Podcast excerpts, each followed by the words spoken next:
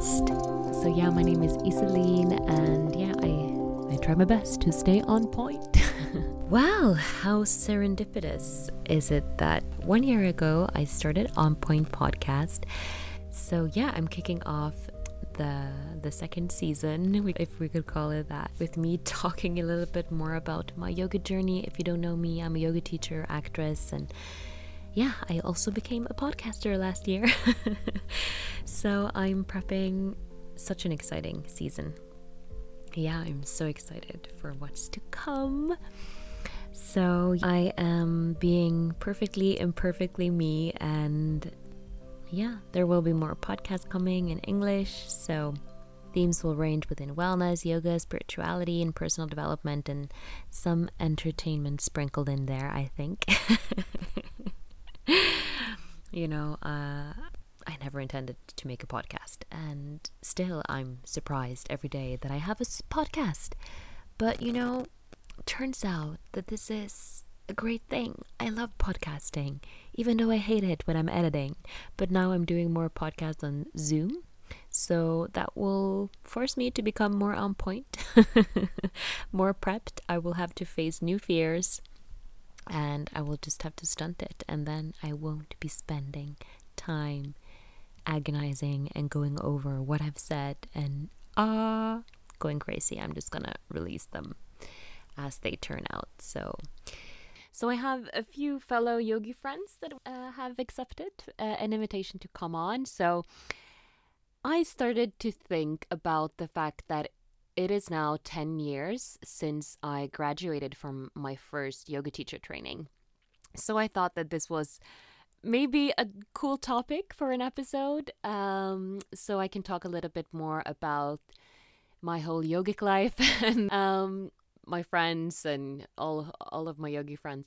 I think they would all testify that I'm a very spiritual person. I am very open minded, and um, yeah, I've I've studied different styles of yoga. I have a lot of spiritual studies under my belt, along with uh, philosophical studies, which I dropped out of to deepen myself in the whole yogic philosophy. So that's a whole other story.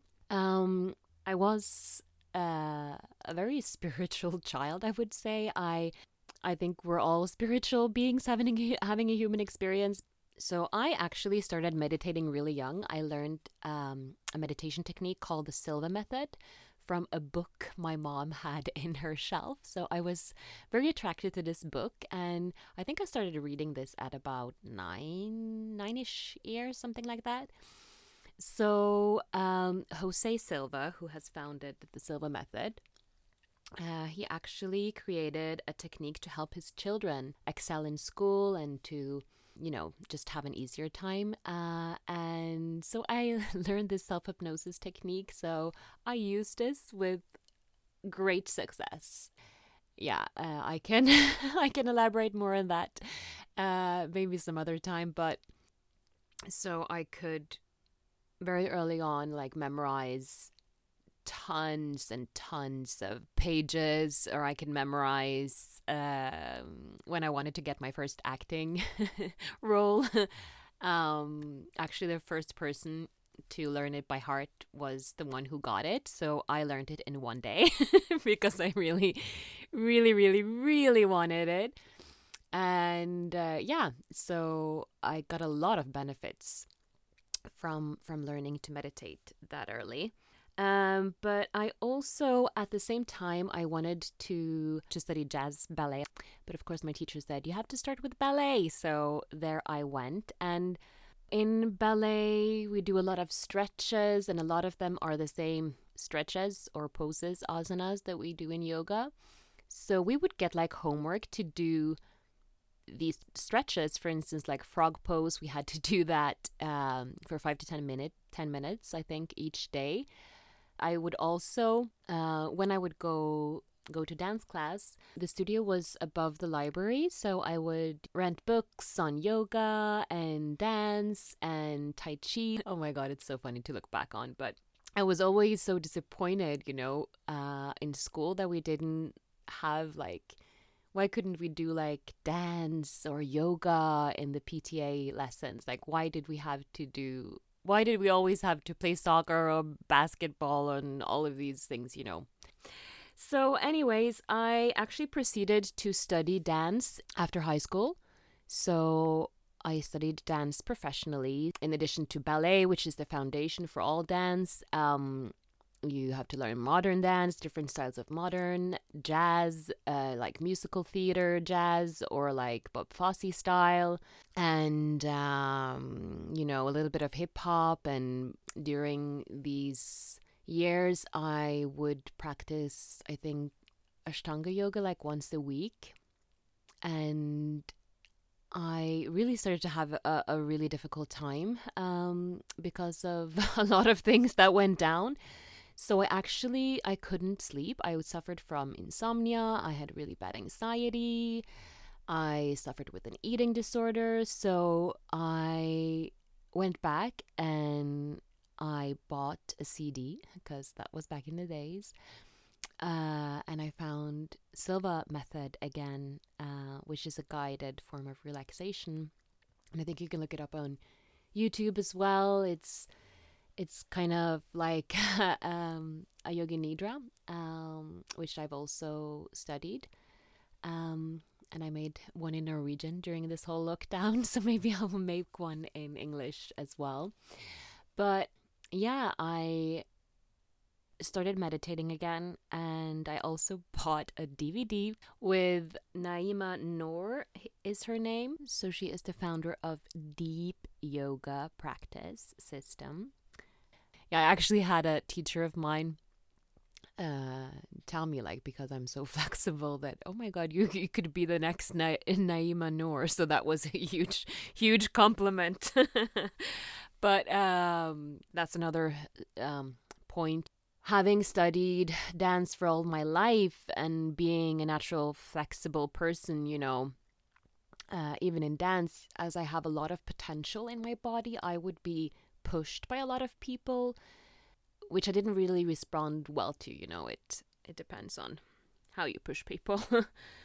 but yeah, I um I think because I've had a lot of traumatic uh, experiences in my life, I I was really searching for for the meaning of life. Uh, so that is how I then after finishing my dance studies, like roaming off to Rome in search of meaning and in search of creating more balance in my life, just indulging in all of the pizza and the pasta after being on a strict diet for uh, a long time. Um, yeah, I it was a whole eat, pray, love thing. and yeah, you know, fast forward, I was yeah working in cafes, restaurants. I would do anything to learn how to speak Italian language fluently and I would also I enrolled in university um but then yeah, I was defeated by the Italian bureaucracy and just like no, I can't deal with this. And also yeah, I I learned a lot from that whole experience. I had an amazing teacher in philosophy, which I had a just like um, mind uh, altering experience in a, in a class with him. But I hit rock bottom in my life pretty damn early. Um, yeah, like the the dark abyss of my dance studies weren't enough like well, yeah, my self esteem was completely shattered, and my sense of self and yeah, self trust was just like yeah, non existent. But you know, bringing your problems with you to another country makes you see things in another in another light. And I was definitely passing through like the dark night of the soul I don't know if you've heard of like this expression before, but it's like, associated with uh, with like an existential crisis, forms of depression, and it's more like uh, in shamanism, it's called the the descent to the underworld, and it has like different names and different religions and mythology and you know and also in psychology because at the time i would uh, I would read Carl Jung, and he talks about this Um, so yeah, that's what I would do. I would study the darkness because that's what healers do. we gotta master that that shit. and you know, I've I've passed through many different rites of passages since, you know, these dark moments that come and go and um, so there's a lot of people who have experienced this, especially now with the coronavirus and you know being challenged in so many different ways. And um, yeah. Um, yeah so we're all like purging. We cannot skip this stage of like integrating our shadows and um, yeah. So when i was about 22 I just couldn't take my mental and emotional pain anymore. So it's like what Eckhart Tolle, which I a teacher that I follow that I really love.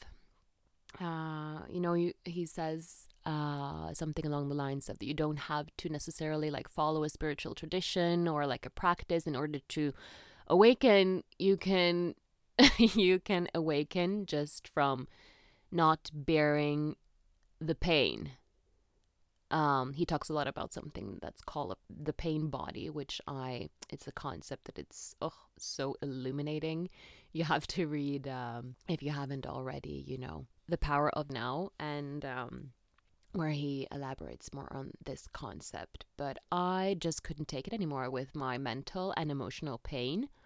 I had been stuffing it down for so freaking long. So I had a moment of just like my knees were hitting the ground, just like save me from this freaking pain. And this is where my whole like spiritual reawakening uh, started. And yeah, I went from working in a nightclub to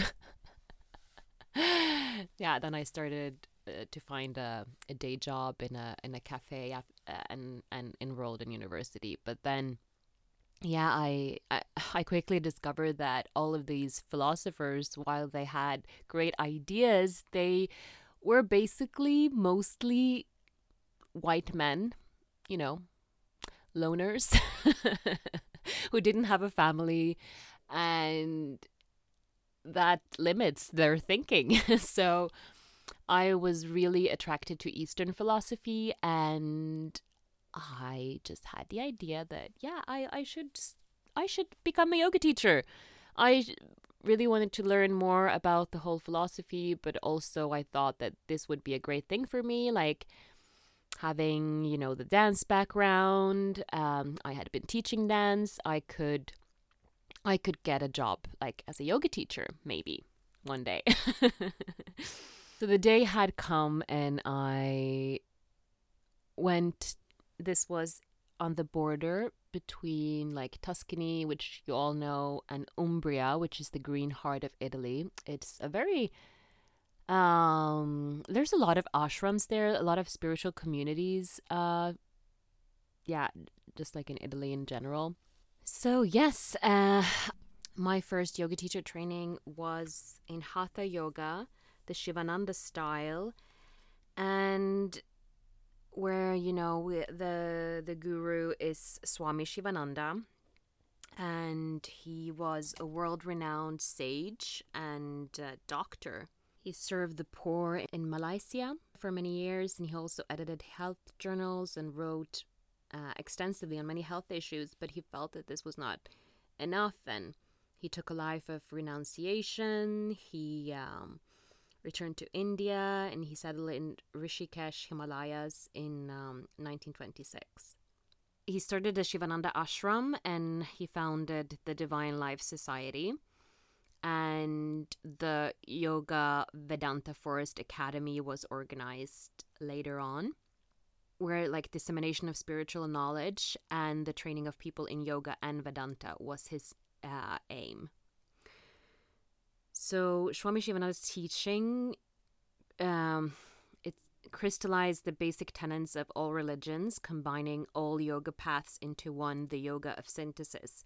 And this he summed up with serve, love, give, purify, meditate, and realize. So he wrote over 200 books, and his disciple uh, Swami Vishnu Devananda, um, he was a close disciple of uh, of him, and um, he became a monk, the Swami title. He took uh, a life of renunciation, and he was appointed the first professor of Hatha Yoga at the Shivananda Yoga Vedanta Forest Academy. A really long name there. But um, yeah, he um, was sent by Swami Shivananda uh, to the West with the words, People are waiting to spread the ancient teachings of yoga. So, um, Swami Vishnudevananda would travel through North America, teaching yoga and observing the Western lifestyle, uh, which a lot of yogis have like foreseen that there would be a lot of uh, chaos. So, you know, that's when the yogis uh, came to the West. And he established the first um, Shivananda Yoga Vedanta Center in Montreal. I really believe that this was a very good foundation for me in yoga. We were also trained, you know, of course, in meditation. There was also a lot of um, chanting. We studied the Bhagavad Gita. So there's a lot of spiritual texts in in the yogic philosophy. and the Bhagavad Gita is often referred to as the Gita. is a 700 verse Hindu scripture, which is um, dated to the second century BC. This um, Gita, it's is set in a narrative framework of a dialogue between uh, Prince Arjuna and his guide and charioteer. The Krishna Arjuna dialogues cover a broad range of spiritual topics, touching upon ethical dilemmas and philosophical issues that go far beyond the war Arjuna faces. So, um, this training was a real immersion. We were living in this ashram and we had to get up at, you know, five o'clock, meditate. We would go for um, a morning walk in silence. We would watch the sunrise. We would practice yoga. We would have breakfast. We would have our karma duties, our uh, selfless work. We would have homework and we would have. Um, you know, lessons in the afternoon and then again chanting, prayers, spiritual discussions. so yeah, I really went from from the eating in Rome to the praying.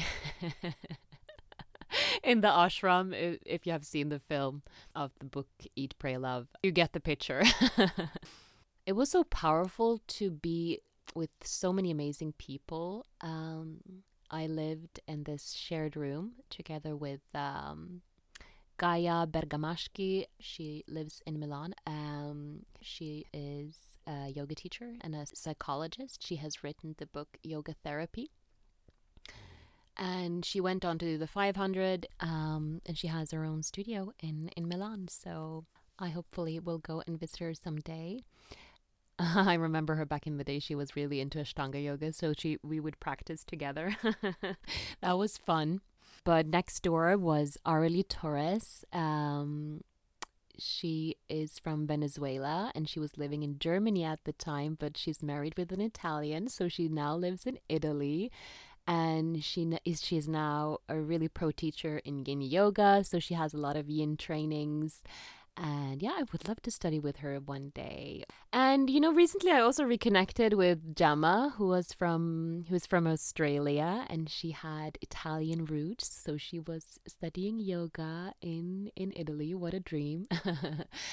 and there was people from around the world. Another beautiful lady from Norway uh, who had studied Buddhist studies in Hong Kong, and there was a real Viking, but he was he had a Norwegian descendant, uh, or how do you say it, descendants? But he, um, uh, yeah, he was from South Africa, and oh, such an amazing guy! Oh my God, so many amazing people from all over. Of course, some that triggers you as well, but that's how it how it's supposed to be.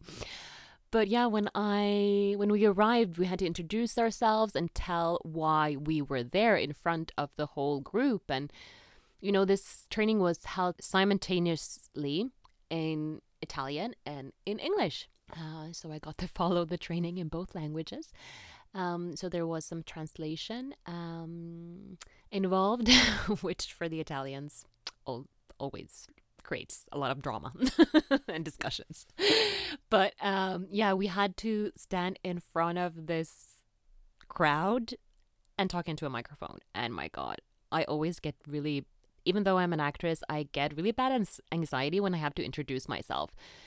For some freaking reason, um, I could feel like my heart jumping out of my chest. It was so crazy. And I said, Hello, my name is Iselin, and I'm here to give myself the gift of yoga. And I started bawling.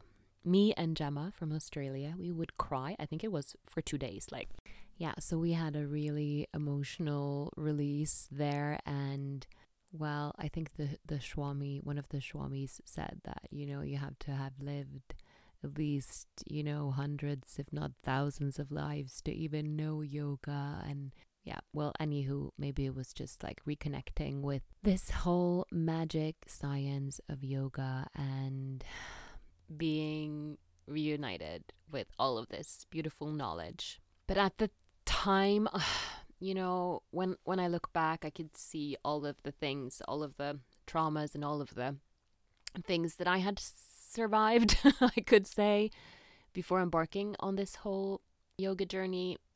Mm. I remember that I thought that I was the source of all of my problems, which, of course, in a way, yeah. Um, but that I was somehow faulty and that I had to fix myself. Uh, I had to just like get my act together and just like, ugh, if people knew the truth about me and, you know, I thought that everything was my fault, all of the, the things that have happened to me. And of course, it was not my fault. And, oh, it's just so sad to think back. Um, but I really, really tried hard to keep it together. But I had a few incidences in this training because you really, uh, the lifestyle is really strict, you know, there's not a lot of room, personal freedom in, in all of this. So I was going a little bit crazy and, oh, I had a breakdown in a yoga class. I just, I just couldn't take it anymore. Um, I think a lot of memories from the dancing days and always like comparing myself and like trying to be like perfect and oh the mental agony was just oh the the pain oh my god I actually had to be carried carried. I'm laughing but I'm really crying on the inside from the yoga shala because I completely broke down and uh uh I you know, a lot of uh, people think that, you know, yoga is just maybe you see, because that's what you see the physical practice, but of course, it's a whole science and a system where uh, the physical yoga asanas is just like one part. Actually, before um, going on this yoga teacher training, I would flip through the the manual and the I would just like look at this specific pose and I would just think I wouldn't I would never be able to do this and I think it was one of the first lessons they the teachers brought me to the front to demonstrate and suddenly I was lying in this super complex position the this super advanced asana and this is strange to look back but people would actually say just like, oh my God, where do you come from? The circus, like, why are you here? you don't. Why do you need to learn to do yoga? You already, you're already doing it. But of course, there's so much more to yoga than the physical asanas, and I had so much healing to do, and of course, I still, I, I don't master every. Uh, pose like that's that's nearly impossible you know your body changes a lot throughout your life and a lot of the yoga practice is not being attached to any result, you know, any result of your practice. Just um, staying patient and present. And yoga asanas is just like one uh, of the eight limbs of yoga. So, you know, basically that's the yamas and the niyamas. The yamas is the restraints and the niyamas is the observances. So that together forms uh, a moral character and an, an ethical conduct. And then comes the asana, the steady pose. uh, for spiritual practice, as for any pursuit in life, a healthy and strong system is essential, and a steady mind, you know, presupposes a steady body. So, then there's the pranayama, which is the control of the vital energies. And then it's the pratyahara, the withdrawal of the senses from objects, and it's the dharana, which is the concentration uh, of the mind upon either an external uh, object or internal idea, and the dhyana meditation. Um, and then it's the samadhi, which is the super conscious state, uh, which represents the, the goal of all existence. So for me, also with uh, with bhakti yoga, which is the the yoga of devotion, there are four main branches of yoga, which is the karma yoga, the, the yoga of action, the path of selfless service, and um, the Raja Yoga, which is the control of the mind and the scientific approach, and then is the Jnana Yoga, which is the yoga of knowledge and the philosophical approach. Yeah, so chanting is a it's a form of devotional practice like bhakti yoga. So if you chant or like sing from your heart, of course that everything you do from the heart center amplifies everything you do.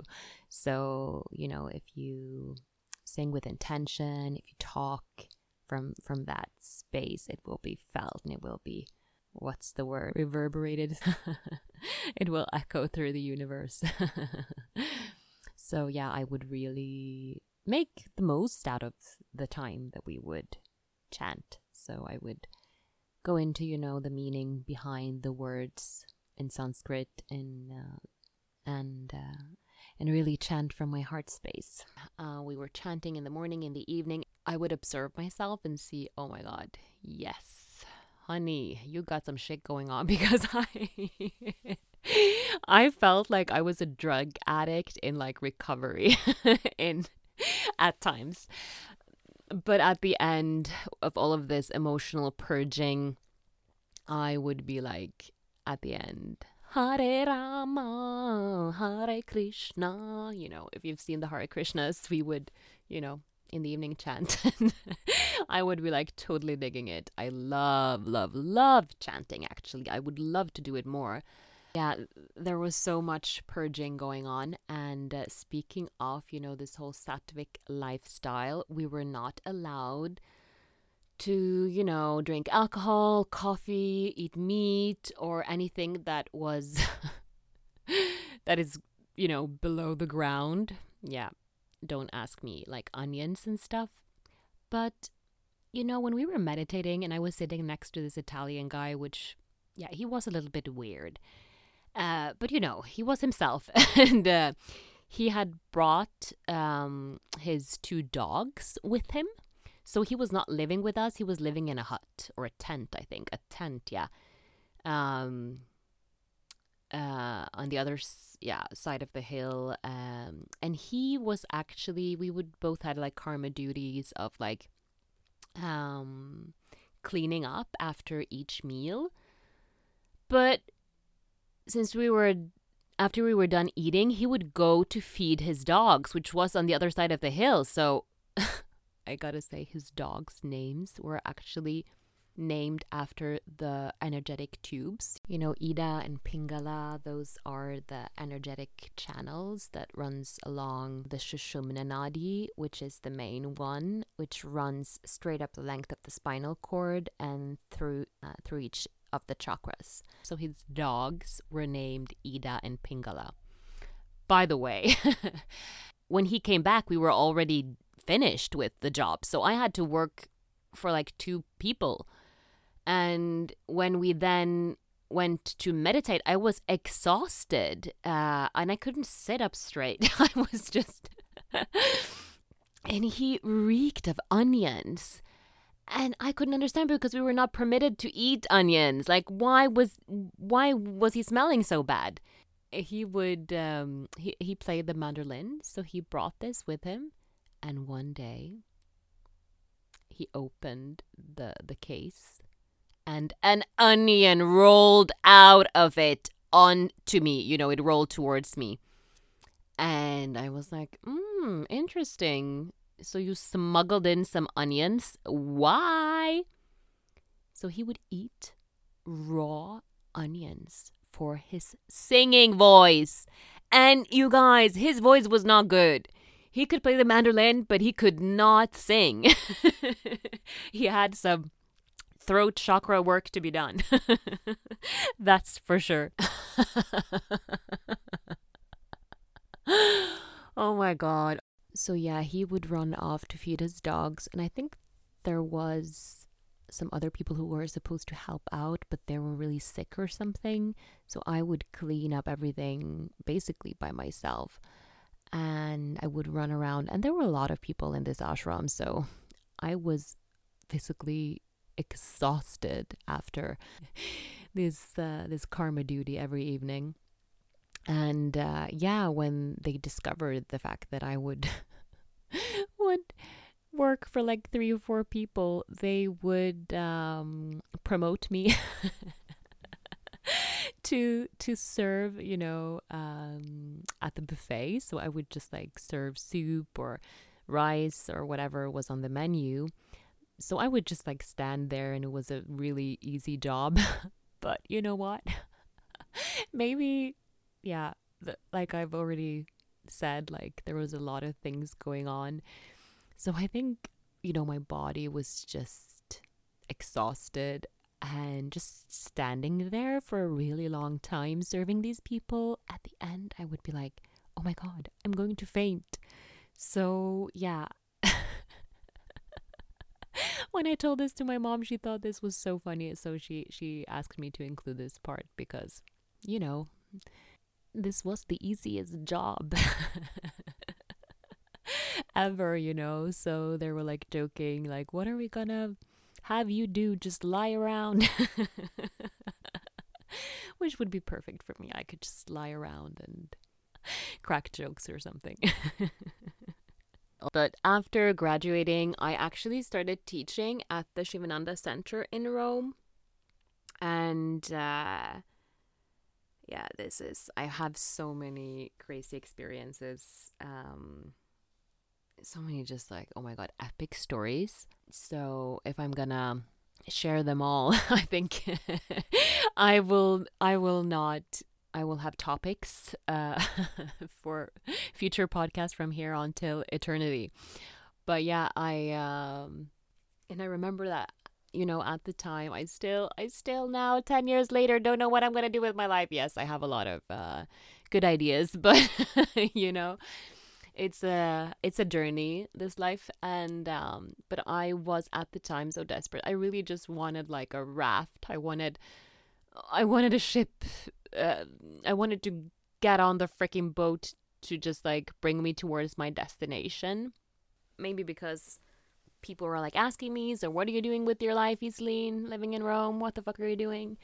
Uh, so maybe I just really wanted to answer. But Oreste, who worked there as well, and he um, told me that, well, what's what's interesting about that? You know, you have your own life path, and it's so interesting that you can do all of these things. And he was, of course, right. I love hanging out with people from all different ages because, you know, we all have so much to learn from each other and to, you know, realize how to best enjoy this very moment of our existence.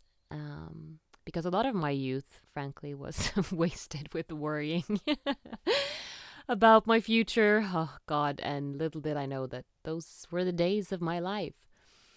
And one day, uh, this young guy, Arjuna, he came to class. he was from Argentina.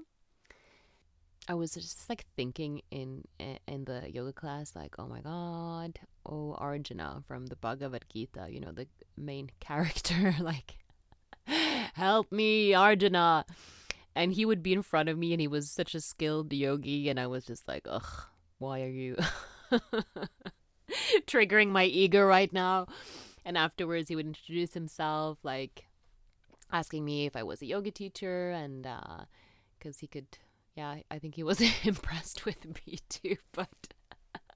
he introduced himself as Arjuna, and I was like, "Oh my god, the life is just so funny. These synchronicities." Um, yeah, and he was a a cool, cool guy. Uh, I think now looking back, he was probably flirting with me, inviting me to watch Kung Fu Panda at the at the center, and walking me home. At the time, I was actually dating this um, hmm, Australian Italian guy, so I was about to meet up with him, and oh my god. Yeah, so Arjuna would talk about like how he in his sadhana or you know in his practice he would um, he would do breath work like pranayama in the Shivananda tradition, uh, tradition we called it the Anuloma Viloma or I know that a lot of people know this alternate nostril breathing as Nadi Shodhana so you know you you inhale from your left nostril and you exhale from the right one. And uh, you do these cycles of breathing. And he would talk about his practice and how his whole body, an auric field, I don't know what, would vibrate. And he would get an orgasm just from touching his nostril. So, yeah, good for you, Arjuna. But you know, there there are a lot of roads. All roads leads to Rome is is the saying. But you know, there are a lot of different techniques out there. So yeah, that's that. oh my god. I still have him as a friend on Facebook and he um he actually admitted to me that he wasn't really looking for like a wife or just like having kids, but and I can see that now that he has uh you know, I don't know if he I don't think he's married, but he has um a girlfriend and a child and he would say to me that they would have to accept the fact that he at one point in his life would retire and go into a cave in the Himalayas and meditate for the rest of his life. And I was like, hmm, interesting. I think this whole notion of being a renunciant and retiring into a cave by yourself, it's like so old school.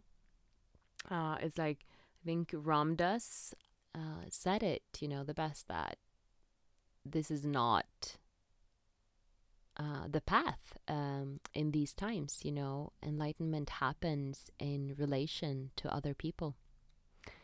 And I think that's so on point. Since the whole training, I realized that I wanted to pursue my lifelong dream of also becoming an actress. So I studied that in Italy as well. And of course, I had been teaching yoga alongside. And um, but yeah, that's also how I started to to think about doing a podcast because I was a little bit you know, I think I taught too much yoga. Um being, you know, a recovering people pleaser, I would extend myself and being this super flexible person is just like so funny to think about the fact that I I, I make people stretch for a living. you know, I'm not only a yoga teacher, but I, you know, have have taught dance, uh, like I told you, and um, acting.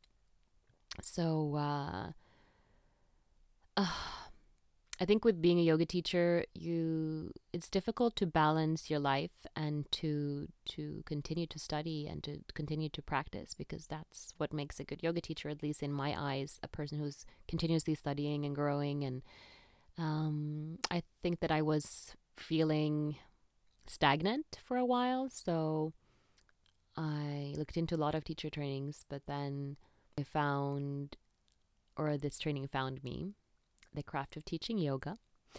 And hopefully, I'll get one of my teachers on the podcast so we can talk a little bit more about that because um, it's such a great contrast to living in an ashram and studying hatha yoga to taking a teacher training in Rome, a really chaotic city, uh, with drinking wine and coffee and just like immersing myself more of an embodiment you know the these old yogis going into the cave meditate transcend this whole physical plane just like jumping off the whole karmic wheel of uh, incarnating here on earth and you know there's uh, there's a reason um, for why you are here. So why are we always trying to escape this this reality?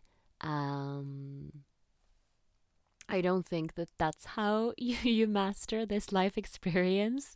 I think actually that is how you come back.